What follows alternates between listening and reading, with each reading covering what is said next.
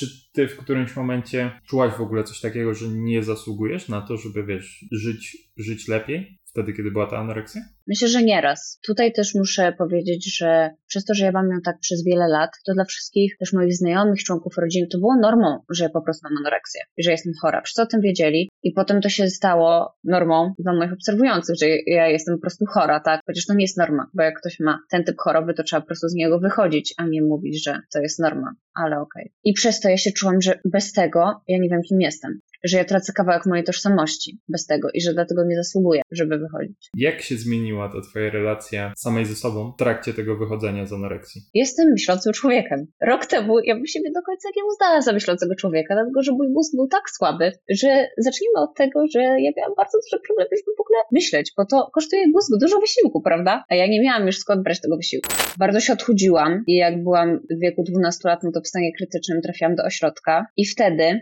zostałam zmuszona do wyjścia. Przez to, że jesteśmy tutaj teraz, wiemy, że nie dostąpiło do końca. Witam Cię bardzo serdecznie w kolejnym odcinku podcastu, w którym rozmawiamy sobie o zaburzeniach odżywienia. I dzisiaj z nami Misia Maliny Praliny. Ciężko powiedzieć, co, z czego jesteś bardziej znana w internecie, więc jakbyś mogła powiedzieć, czym się zajmujesz, co robisz w ogóle. Więc jak już się okazało, jestem Misia, udzielam się na TikToku i na Instagramie. Ciężko mi sobie powiedzieć, jaki konkretnie mam typ kontentu. Wrzucam różne rzeczy, które lubię, ale też udzielam się na temat ID i zaburzeń odżywiania. Tak, no i no, troszeczkę tego kontentu było faktycznie z zaburzeniami odżywiania. Co prawda, przynajmniej z tego, co, co gdzieś tam sobie szukałem, to więcej było tego wcześniej niż jest teraz. Czy dobrze kojarzę? Mhm. Prawda bo też chodzi o to, że ja nie chciałam, żeby wszystkim, co nagrywam, było o zaburzeniach odżywiania, bo uważam, że to nie jest do końca zawsze dobre. Szczególnie jeżeli nagrywa to osoba, która może nie teraz, ale w przyszłości, no na pewno nie była zdrowa i nie miała zdrowego myślenia i myślę, że to było toksyczne. Okej, okay. okej. Okay. A to nie chciałaś pokazywać więcej trochę takiego, wiesz, wyjścia z tego wszystkiego? Wiesz co, ja się bardzo obawiałam komentarzy. E, no i cóż, bo i tak przybyły różnych komentarzy ludzi, którzy pisali o moim ciele, więc myślałam sobie, że no, jeżeli na przykład zaczęłabym nagrywać co jem, to by już było tylko gorzej. To by mnie bardzo afektowało i to było za trudne. No tak, to ma to sens, ale to też dlatego um, nie można do ciebie napisać na Instagramie? I tutaj jest tajemnica, której nikt nie wie. Dlatego, że ja naprawdę jestem przekonana, że w moich ustawieniach jest napisane, że można pisać. I ludzie do mnie piszą. Ale jest też grupa, która nie może do mnie napisać. I ja nie wiem, z czego to wynika, naprawdę. Przysięgam. Ja jestem przekonana, że można napisać. I ludzie mi odpisują na story. No ale ja nie wiem, o co chodzi. To może tylko ci, co cię nie obserwują, nie mogą. Nie wiem, ja nie mogłem napisać na pewno. Bo się zaskoczył też tak przez maila ale poczuła być taka ważna, że przez maila to jest takie oficjalne. No nie, no, próbowałem napisać, ale mi odbiło coś tam, że nie, nie daje rady. Nie, nie, nie można tam, czy nie. Nie wszyscy mogą napisać wiadomość, chyba coś takiego jest. O, mam teorię. A co jak jest napisane, że ktoś ma powyżej 18 roku życia, to nie może do mnie pisać? Czy tam może, może tam jakiś Może być, może być. E, ale wracając do zaburzeń odżywienia, powiedz mi, jak teraz, w tym momencie, wygląda w ogóle Twoja relacja z jedzeniem? Nie powiedziałabym, że jest idealna, natomiast ja widzę bardzo duży progres nawet od początku tego roku szkolnego. W różnych sferach, też takich jak ja postrzegam siebie, jak podchodzę do wagi, bo na początku tego roku dla mnie liczba i różne liczby, które, no, które się zmieniły, tak? To było dla mnie bardzo trudne przeżycie. I ja akceptowałam tego do końca. Ale teraz nie mam już takiego problemu i moje myślenie bardzo się zmienia. Okej. Okay. E, bo ty miałaś stwierdzoną anoreksję, tak? Tak. Pięć lat temu. Dobra. Czy jakieś inne też po drodze były zaburzenia odżywienia, czy nie? Tylko. Dobra. E, I jak w ogóle radziłaś sobie, no radzisz też jakby nadal z tym, że ta waga właśnie, wiesz, gdzieś tam no rośnie, no bo nie, nie ma co ukrywać, że przy anoreksji wychodzenie z niej równa się temu, że, że ta waga musi rosnąć. No racja. Były wzloty i upadki. Czy tak będę zaczynać każdą moją wypowiedź bardzo możliwe. Mm, chodzi o to, że to zabrzmi źle, ale to nie było moje już pierwsze podejście do wyjścia. Dlatego, że ja zachorowałam jak miałam lat 11 i szybki story time muszę zrobić, żeby wszystko było jasne.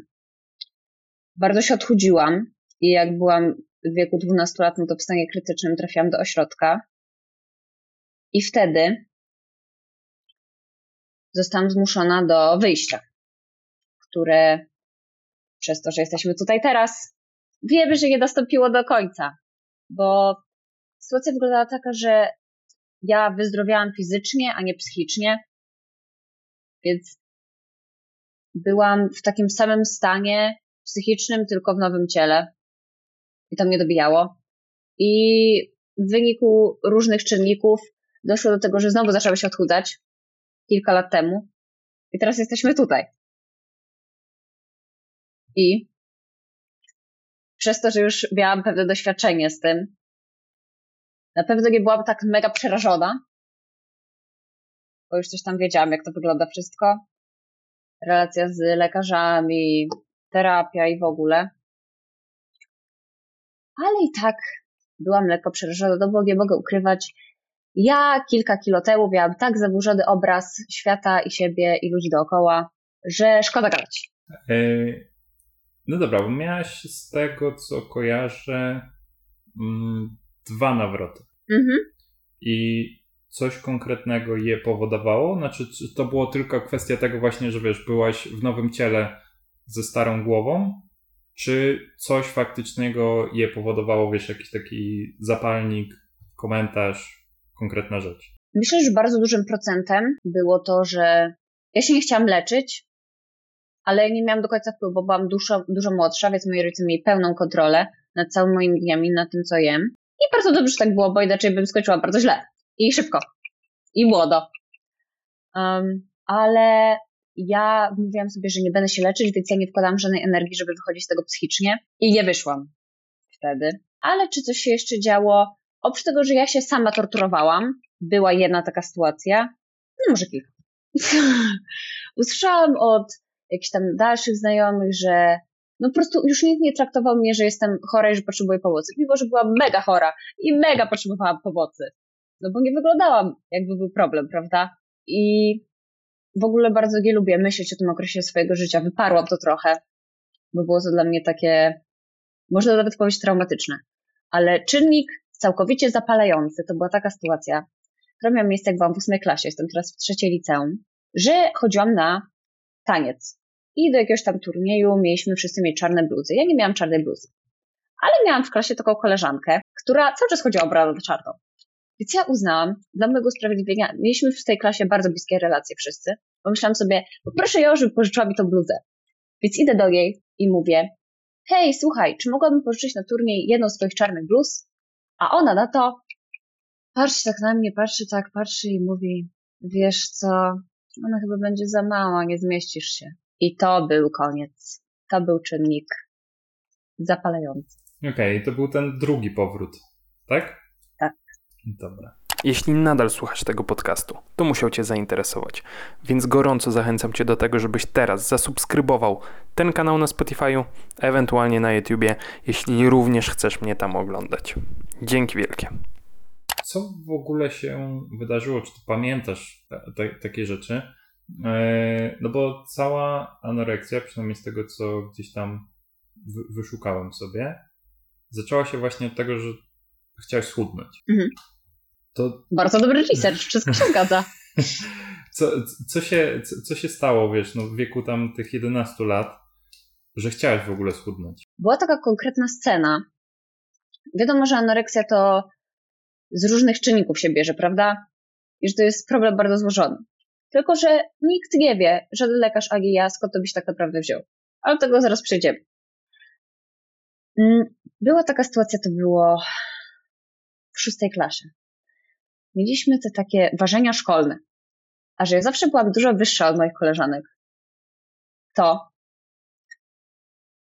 po, wszyscy się zważyli i potem oczywiście wszystkie dziewczynki ustawiły się w kącie i zaczęły ze sobą porównywać, ile waży. I że ja byłam najwyższa, no to wiadomo, co się stało, tak? Ważyłam najwięcej i to nawet dużo więcej od części z nich. Patrząc na to do tyłu, to była kompletnie normalna waga dla dziewczynki w moim wieku i w moim wzroście. No ale ja tak wtedy o tym nie myślałam. I postanowiłam sobie za cel, że schudnę do wakacji. Okay. I schudłam. I źle to się skończyło.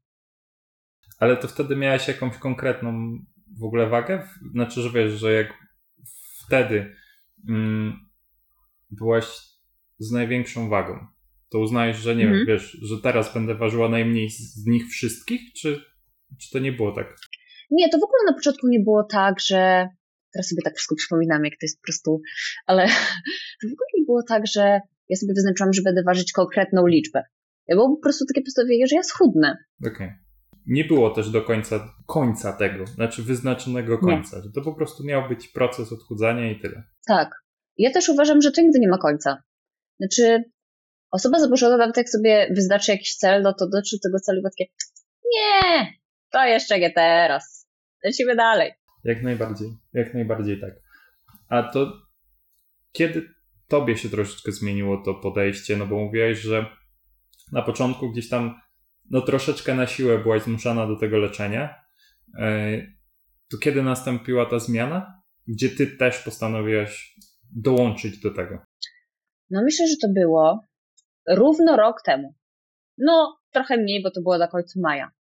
Ja cały zeszły rok, czyli drugą klasę, no w dobrym stanie fizycznym to nie byłam. Powiedzmy tak.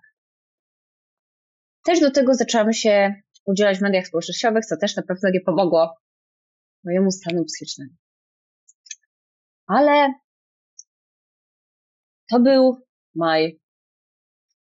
Dokładnie pamiętam, mieliśmy wizytę u psychiatry i psychiatra zagroziła moim rodzicom, że jak ja się nie zacznę leczyć i nie przybiorę na wadze, no to generalnie będzie źle, to znaczy będziemy mieli sprawę w sądzie rodzinnym i nie wiadomo, co się dostanie. I ja tak, o Boże. No do tego miałam już 15 lat, więc takim małym szkrabem nie byłam, prawda? Nie byłam takim małym szkrabem jak 12 lat, już myśleć samodzielnie myślałam. I oczywiście to nie było tak, że wtedy w tym moja postawiłam sobie, tak, ja się wyleczę. Nie, bo ja na początku byłam mega broniąca się. Chodzi o to, że to był cały mój styl życia, prawda? To nie była dla mnie łatwa decyzja. I w tym wszystkim, co było dla Ciebie wtedy największą motywacją do, do tej zmiany? To, że faktycznie, wiesz, Ty chciałaś przeżyć, żyć i tak dalej, czy bardziej to, że potencjalnie ta sytuacja mogła wywołać więcej problemów, typu właśnie gdzieś tam sądy, kuratory, jakieś inne rzeczy? Podświadomie wiedziałam, że nie dojdzie do tej sytuacji. Po prostu sobie wmówiłam, że żaden sąd mnie nie zaatakuje. I też chodziło o to, że no mam już te 15 lat wtedy, teraz mam 16. Byłam na końcu drugiej klasy, myślę sobie, no dobra, jeszcze półtora roku do matury, a ja już miałam wtedy naprawdę duże problemy z utrzymywaniem koncentracji, z pamięcią i to wszystko się prowadzi do nauki, prawda? Pamiętam też raz, jak mm, przy kłótni, bo kłóciliśmy się cały czas z moimi rodzicami. Moi rodzice oczywiście wiedzieli, że jest problem, no bo przeżyli to kilka lat wcześniej. I pamiętam, jak podczas jednej kłótni moja mama powiedziała, że jej zdaniem nie dożyje matury. I ja miałam takie, o, no, akurat rację masz. To było myślę wstrząsające. Ale też myślałam sobie o tych wszystkich rzeczach, które omijam, bo życie było dla mnie fizycznie rok temu mega trudne. To znaczy imprezowanie. Chodziłam na imprezy, ale samo aktywność skakania i tańczenia i socjalizowanie się z innymi ludźmi to było po prostu taki wysiłek, że ja musiałabym leżeć tydzień potem, żeby, żeby przetrwać. Więc omijałam cały mój high school experience. Ryzykowałam całą moją przyszłość, bo rodzice byli po prostu na granicy wytrzymania, no bo co oni jeszcze mają zrobić, żeby mi pomóc? Więc jakoś tak wyszło, że mój mindset się zmienił.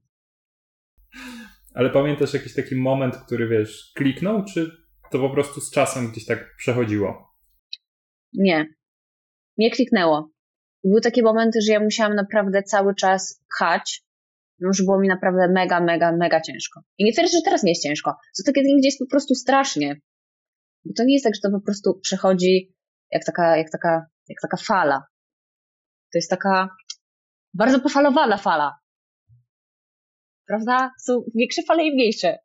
Okej. Okay. Jak wyglądał ten twój najgorszy okres, taki, który najgorzej wspominasz? Najgorszy ever to było, jak miałam 12 lat. I moi, inna psychiatra wtedy zagroziła moim rodzicom, że jak nie zrobią coś ze mną, to znaczy psychiatryk albo szpital normalny, to umrę. I było to na pewno bardzo przerażające, ale nie dla mnie, tylko dla nich, bo szczerze byłam już naprawdę tak odklejona od rzeczywistości w stanie, w którym byłam, bo byłam w dużo gorszym stanie niż byłam rok temu. O no, znaczną liczbę kilogramów niżej. To też ta myśl o tym właśnie, że kiedyś byłam bardziej wychudzona, nie pozwalała mi do końca zacząć leżeć rok temu. Bo myślałam sobie, było gorzej, więc ja nie zasługuję teraz, prawda? Żeby było lepiej. Wracając. Zagroziłam moim rodzicom, że umrę. Oni byli przeżeni, ja nie. Ale że miałam 12 lat, nie chcieli mnie wsadzać do ani szpitala psychiatrycznego, ani normalnego, no bo wiadomo, że nie jest to przyjemne, tak? Więc zamknęli mnie w takim ośrodku do leczenia zaburzeń odżywiania. Czy było to dużo lepsze niż szpital i psychiatryk? Na 100%. Czy mam dobre wspomnienia? Nie. Byłam tam przez 6 tygodni, sama. Wolę nie podawać nazwy, bo może się jakoś źle skoczyć dla mnie prawnie. Nie twierdzę, że tam traktowali mnie źle, to po prostu dla mnie psychicznie było bardzo trudne, żeby tam przybywać, bo byłam z dużo starszymi dziewczynami od siebie. Były tam tylko dziewczyny i było nas chyba osiem na turnusie. Mieszkałam z dziewiętnastolatką i też problem w tym wszystkim było to, że one nie wszystkie, że my nie wszystkie miałyśmy anoreksję. To znaczy, że to były różne zaburzenia odżywiania. Jedna miała kompulsywne objadanie, inna bulimię, większość anoreksja, ale nie wszystkie. Myślę, że to też musiało być bardzo trudne dla tych innych dziewczyn. I mieszkałam z tą dziewiętnastolatką. Miałam 12 lat. Więc nasze myślenie było bardzo oderwane od siebie. Też się czułam tam źle, dlatego że one wszystkie mówiły, ja choruję 7 lat, ja choruję 10 lat. Ja chorowałam 6 miesięcy. Więc czułam się po prostu jakbym nie, nie pasowała totalnie. Okej, okay. a miałaś takie sytuacje, że jako, że też była tam jakaś część anorektyczek, czy no też trochę innych zaburzeń odżywienia, ale to były takie sytuacje, gdzie one nie chciały też wyjść z tego i się jakoś tak, wiesz, nakręcałyście po tym wszystkim? Po, po, po terapiach czy po jedzeniu? Nigdy nie wprost. To nie było tak, że specjalnie sobie mówiłyśmy jakieś okropne rzeczy. Ale widać było, że część nie chce. Ja nie chciałam. I widać było, że część nie chce. Też ta moja współlokatorka. Tylko jedna była taka bardzo zmotywowana. Miała 27 lat. Więc w sumie dziwię się jej. To bardzo źle zabrzmiało, ups. Ale miała 27 lat, więc no, nie dziwię się, że to już jest czas, prawda? To już, to już jest czas, żeby dorosnąć troszeczkę. I pamiętam, że mieliśmy taką sytuację, że po kilku tygodniach dostał się na wieczorek drożdżówki i one były w opakowaniu. I my wszystkie tam przyleciałyśmy do tego stołu. I pierwszą rzeczą, jaką zrobiłyśmy, było oczywiście odwrócenie tych drożdżówek i zobaczenie, ile mają kalorii. I ona nas tak okrzczała. Dziewczyny była wściekła. Nie dziwię się jej, dobrze była, ale to tylko pokazuje, jak duża część osób tam tak naprawdę nie chciała być i była, bo musiała. I myślisz, że sam ośrodek, albo w ogóle takie ośrodki, e, czy, czy szpitale mają faktycznie sens na dłuższą metę, że one faktycznie coś dają, poza tym, że wiesz, no gdzieś tam część osób przybierze na wadze, no bo pilnujemy jedzenie. No nie wiem za bardzo szpital, bo nigdy nie byłam. Natomiast ze, na szczęście. Natomiast ze wszystkich rzeczy, jakie słyszałam, no to naprawdę ciężko mi jest uwierzyć, że komuś to może pomóc psychicznie. Bo kilku moich znajomych było nie zawsze z powodów zaburzeń, niektórzy z innych powodów. I zawsze jedyne, co opowiadali po tym, jak stamtąd wyszli, to naprawdę traumatyczne i dziwne historie. Okay. Taki ośrodek to jest na pewno co innego. Jest jeszcze taki w Malawie, prawda? Jest taki ośrodek do leczenia anoreksji. Nie wiem, nie, nie znam ośrodków.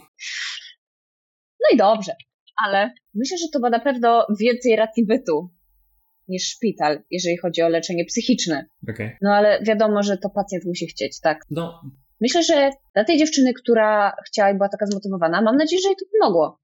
Nie mam z nią żadnego kontaktu i teraz ona jest po 30. W sumie straszne. Ale to już stara. To już niedługo, niedługo do śmierci. Ale myślę, że jej to mogło pomóc, ale mi to nie pomogło, bo dlatego skończyło się po prostu tym, że przez dziewczynę, z którą mieszkałam, ja nabrałam bardzo dużo zachowań, też takich i z zaburzeniami żywienia, ale przez to, że miała bardzo silny OCD, ja przeszły na mnie, też dlatego, że byłam taka młoda i taka dostępna, przyszło na mnie mnóstwo jej różnych nerwicowych zachowań, które potem miałam miesiącami, jak wróciłam do domu. okej. No to co myślisz, że można by było w ogóle zrobić, wiesz, dla, dla takich osób, czy wiesz, kwestia ośrodków, czy, czy kwestia innego działania, żeby gdzieś tam no trochę ulepszyć ten system z zaburzeniami odżywiania. Myślę, że to zabrzmi źle. Trzeba straszyć. Myślę, że trzeba straszyć ludzi tym, co się z nimi stanie, jeżeli oni nie zaczną. Pamiętam taką sytuację, że raz kłóciłam się z moimi rodzicami, już nie wiadomo, która kłótnia. Oczywiście nie chcę, żeby to tak zabrzmiało, że my się tylko z moimi rodzicami kłócimy, bo totalnie tak nie jest. Ja mam bardzo dobrą relację z moimi rodzicami i bardzo ich kocham. I my się teraz już no, raz na 50 lat kłócimy. Ale pamiętam, jak raz podczas jakiejś kłótni mój tata krzyknął, że widział ostatnio właśnie jakąś taką anorektyczkę, bardzo wychudzoną i dorosłą. Nie powiedział, że 30 ileś lat albo jeszcze więcej. No trudno jest określić, ile taka osoba ma lat. I że była prowadzona przez swojego ojca, który był no stary. I że on powiedział, że jego największy koszmar to, że ja tak skończę z nim i że ja nigdy nie wyjdę. Okej. I mnie to za bardzo nie przeraziło w, w tamtym momencie, ale jak potem zaczęłam o tym myśleć, że jeżeli nic nie zrobię, to są tylko dwa wyjścia. A, umrę. B. Moi rodzice będą desperacko próbowali utrzymać mnie przy życiu i tak to się skończy. Okej, czyli gdzieś tam taką największą chęcią zmiany były dopiero te momenty, kiedy byłaś straszona, gdzie, gdzie ci powiedzieli, z czym to się będzie jadło w przyszłości. Mhm. Okej. A to, co już też delikatnie powiedziałeś, że anoreksja nie wiadomo skąd się bierze i ani ty, ani lekarze nie za bardzo wiedzą, wiesz, skąd się u ciebie wzięło, bo tych czynników jest dużo. Mm, ale czy ty kiedykolwiek miałaś jakieś podejrzenia sama z siebie w którymś etapie, że to może się brać z czegoś konkretniejszego albo jakichś takich, wiesz, kilku rzeczy? Szczerze, totalnie nie. Na pewno myślałam o tym dużo, ale chodzi o to, że no często anoreksja wynika z rodziny, tak? Że, no nie mama komentuje cały czas twoje ciało albo to, co jesz. U mnie nigdy tak nie było. Moi rodzice nigdy, przenigdy nie komentowali tego. Jak była mała, nic. Nie wiedziałam, skąd to się wzięło. Moje koleżanki też nie. Może czasami jakiś komentarz. Więc ja naprawdę nie mam bladego pojęcia, jak to się stało. Jak się zmieniła ta twoja relacja samej ze sobą w trakcie tego wychodzenia z anoreksji? Jestem myślącym człowiekiem. Rok temu ja bym siebie do końca nie uznała za myślącego człowieka, dlatego że mój mózg był tak słaby, że zacznijmy od tego, że ja miałam bardzo duże problemy, żeby w ogóle myśleć, bo to kosztuje mózg dużo wysiłku, prawda? A ja nie miałam już skąd brać tego wysiłku. I zaczęłam, to zabrzmi dziwnie, ale zaczęłam myśleć o swojej przyszłości. W takich realnych względach, to znaczy, że pójdę na studia, że matura. Ja w ogóle o tym nie myślałam wcześniej. Bo myślę, że podświadomie ja wiedziałam, że dla mnie nie ma nic dalej. Że to się któregoś dnia po prostu urwie. Czyli gdzieś tam żyłaś w takim przeświadczeniu, że szybciej niż później będzie śmierć. Mhm. I że tego nie ma za długo po prostu. Tak. A czy dzisiaj możesz powiedzieć, że kochasz siebie? Myślę, że mogę tak powiedzieć. A w tych momentach, kiedy wychodziłaś z anoreksji wcześniej, w tych wyjściach, Mhm. mm, też tak było? Czy to raczej ta, ta, ta relacja z samej ze sobą była na niższym poziomie? Było coraz gorzej, dlatego że to lekarze i moi rodzice mieli pełną władzę nade mną. Ja nie mogłam podejmować żadnych decyzji. I wiem, że tak powinno być, bo anoreksja to jest bardzo pozytywna choroba.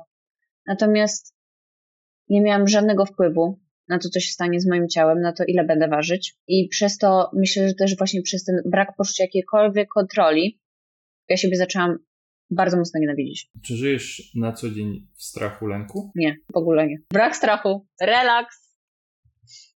A jak y, był etap anoreksji, to, to były takie momenty, znaczy momenty, no, czy, czy wtedy miałaś ten strach, lęk w sobie? Tak, na pewno dużo stresu.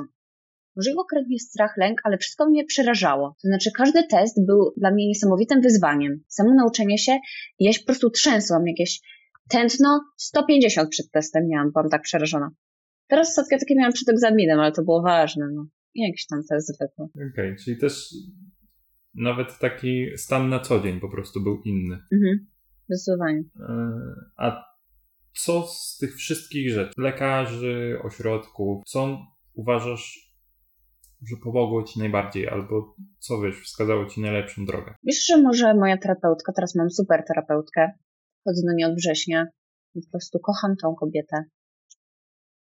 Jest cudowna, bo wcześniej chodzi o to, że moja pierwsza terapeutka, którą miałam, jak byłam w ośrodku i potem po wyjściu ze środka utrzymywałam z nią relacje, powiedziała mi, że moi rodzice tak dużo mnie karmili, że przytyłam nieproporcjonalnie do czasu. I to mnie po prostu załamało. W sensie w, w czasie wychodzenia, tak? Z anoreksji? Tak.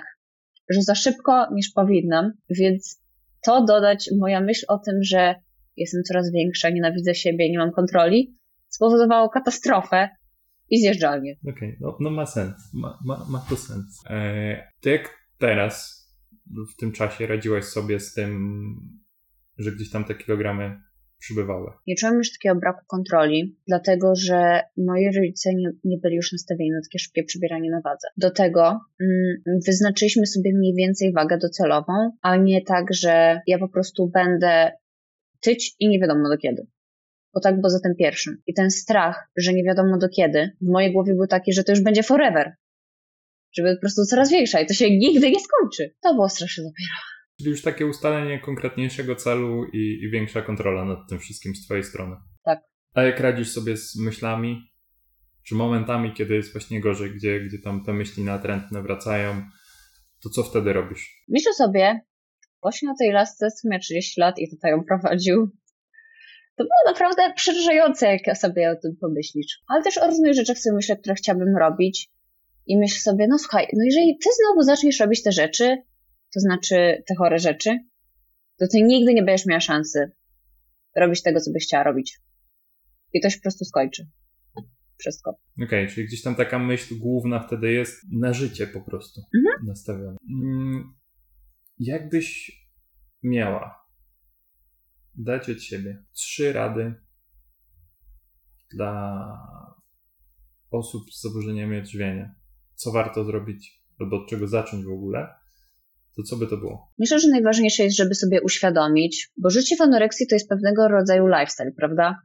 To jest po prostu bardzo restrykcyjny tryb życia. I że to nie jest tryb życia, który można utrzymać, bo to jest nierealne. To się po prostu kończy. Y, w różnych wyjściach może wyjść bardzo drastycznie, może wyjść tak, że to potrwa po prostu krótko, no bo ciało się zacznie buntować, albo będą straszliwe konsekwencje. Do tego to będzie trochę dygresja, ale różne rzeczy, które mnie tak bardzo bolały. Pamiętam, jak moja psychiatra rok temu, jak jej powiedziałam, że udzielam się w mediach społecznościowych, miałam oczywiście dużo mniejsze zasięgi rok temu niż teraz, ale i tak były różne komentarze cały czas na temat mojego ciała, no bo bądźmy szczerzy, było to bardzo widoczne, że jestem, no, no, no i zdrowie to nie wygląda. I ona powiedziała, co będzie, jak ludzie zaczną pisać, że wyglądasz lepiej i że się zmieniasz. I ja jej powiedziałam, że ja się wtedy załamię. No i coś stało. I te komentarze się pojawiły. Że się załamam? Nie. No dobra, momentami, dlatego że uważam, że najgorsze w tamtych komentarzach, kiedy ludzie pisali, że o Boże, wyglądasz jak patyk, coś tam rok temu, najgorsze były wtedy takie dziewczynki, które pisały, że body goals, coś tam, bo to tylko sprawiało, że ja się czułam, że może tak naprawdę nie ma problemu, skoro, chociaż byłam w pełni świadoma, że jest, skoro niektórym ludziom się tu podoba i myślą, że wszystko jest ok, że tak chcieliby wyglądać, to może to naprawdę jest ok. Ale prawda jest taka, że w tych czasach nastolatki mają tak zaburzony pogląd. I nie twierdzę, że ja sama nie mam na to, jaka powinna w cudzysłowie, bo oczywiście nie ma jednego konkretnego typu sylwetki, jaki powinien być, ale taka idealna sylwetka, jaka powinna być, jest bardzo zaburzony. Wracając, jest bardzo zaburzony pogląd ciała u nastolatek, i to mnie denerwuje. Okej, okay, ale to myślisz, że co, przez media społecznościowe ogólnie on jest zaburzony, czy z czego wynika? No bo wiesz, no... Totalnie, tak. Znaczy widzimy różne Myślę, ciała. Totalnie. Znaczy różne. Konkretne ciała. Przefotoshopowane. Tak, myślę, że totalnie. Okej. Okay. Mm, Króciutka przerwa na autopromocję. Bo jeśli ty również masz zaburzenie odżywienia lub zaburzoną relację z jedzeniem i chciałabyś popracować nad tym, zmienić to, jak to wygląda, to koniecznie napisz do mnie na Instagramie Wojciech Felinczak i zaczniemy działać. A powiedz mi, bo w którymś momencie mm, rozmowy powiedziałeś takie zdanie, że w ostatnim tym etapie wyjścia z, z anoreksji, e, w tym, tym ostatnim powrocie, Mhm. czułaś, że gdzieś tam nie zasługujesz na to, żeby było lepiej, no bo wcześniej byłaś chudsza. Mhm. Mm, I czy ty w którymś momencie czułaś w ogóle coś takiego, że nie zasługujesz na to, żeby wiesz, żyć, żyć lepiej? Wtedy, kiedy była ta anoreksja? Tak. Myślę, że nieraz. Po prostu myślałam, że tutaj też muszę powiedzieć, że przez to, że ja mam ją tak przez wiele lat, to dla wszystkich też moich znajomych, członków rodziny, to było normą, że ja po prostu mam anoreksję. I że jestem chora. Wszyscy o tym wiedzieli. I potem to się stało rok temu, jak zaczęłam się udzielać w internecie w 2022 na początku. To zaczęło być normą, normą dla moich obserwujących, że ja jestem po prostu chora, tak? Chociaż to nie jest norma, bo jak ktoś ma ten typ choroby, to trzeba po prostu z niego wychodzić, a nie mówić, że to jest norma, ale okej. I przez to ja się czułam, że bez tego ja nie wiem, kim jestem. Że ja tracę kawałek mojej tożsamości bez tego i że dlatego nie zasługuję, żeby wychodzić. Okay. A też wspominałaś mm, na TikToku, że ten zeszły rok, Bardzo możliwe. że ten zeszły rok był dla ciebie najgorszym rokiem. I to przez kwestię właśnie anoreksji, czy kilka innych rzeczy się po prostu też złożyło? Kilka rzeczy. To przede wszystkim, ja też mam taki problem, że ja prawie nie pamiętam zeszłego roku, bo wszystko wyparłam. A do tego miałam no tak słaby organizm, że może nie zapamiętałam do końca wszystkiego, co się dzieje dookoła. I no przede wszystkim przez to, mm, przez tą całą wi- wizytę u lekarza i te groźby sądu. Też przez to, że straciłam moją najlepszą przyjaciółkę.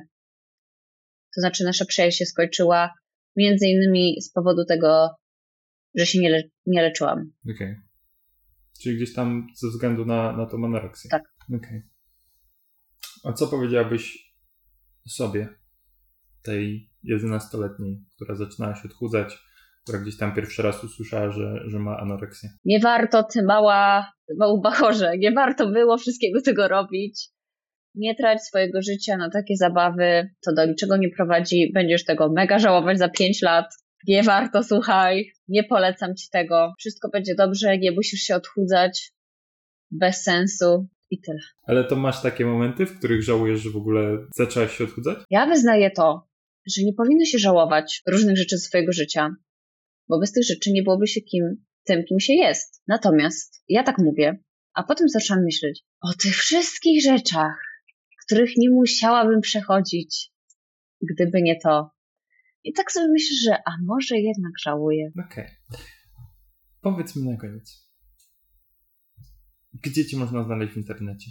I pod jakimi nikami? Jestem na Instagramie. Misia Rychlik. Bardzo polecam mojego Instagrama, bo jestem bardzo aktywna. Jestem na TikToku. Maliny Praliny. I na razie to wszystko. YouTube. Myślę nad YouTube'em. YouTube wkrótce. Tak. Okej, okay, super. To dzięki wielkie. Ja również dziękuję bardzo.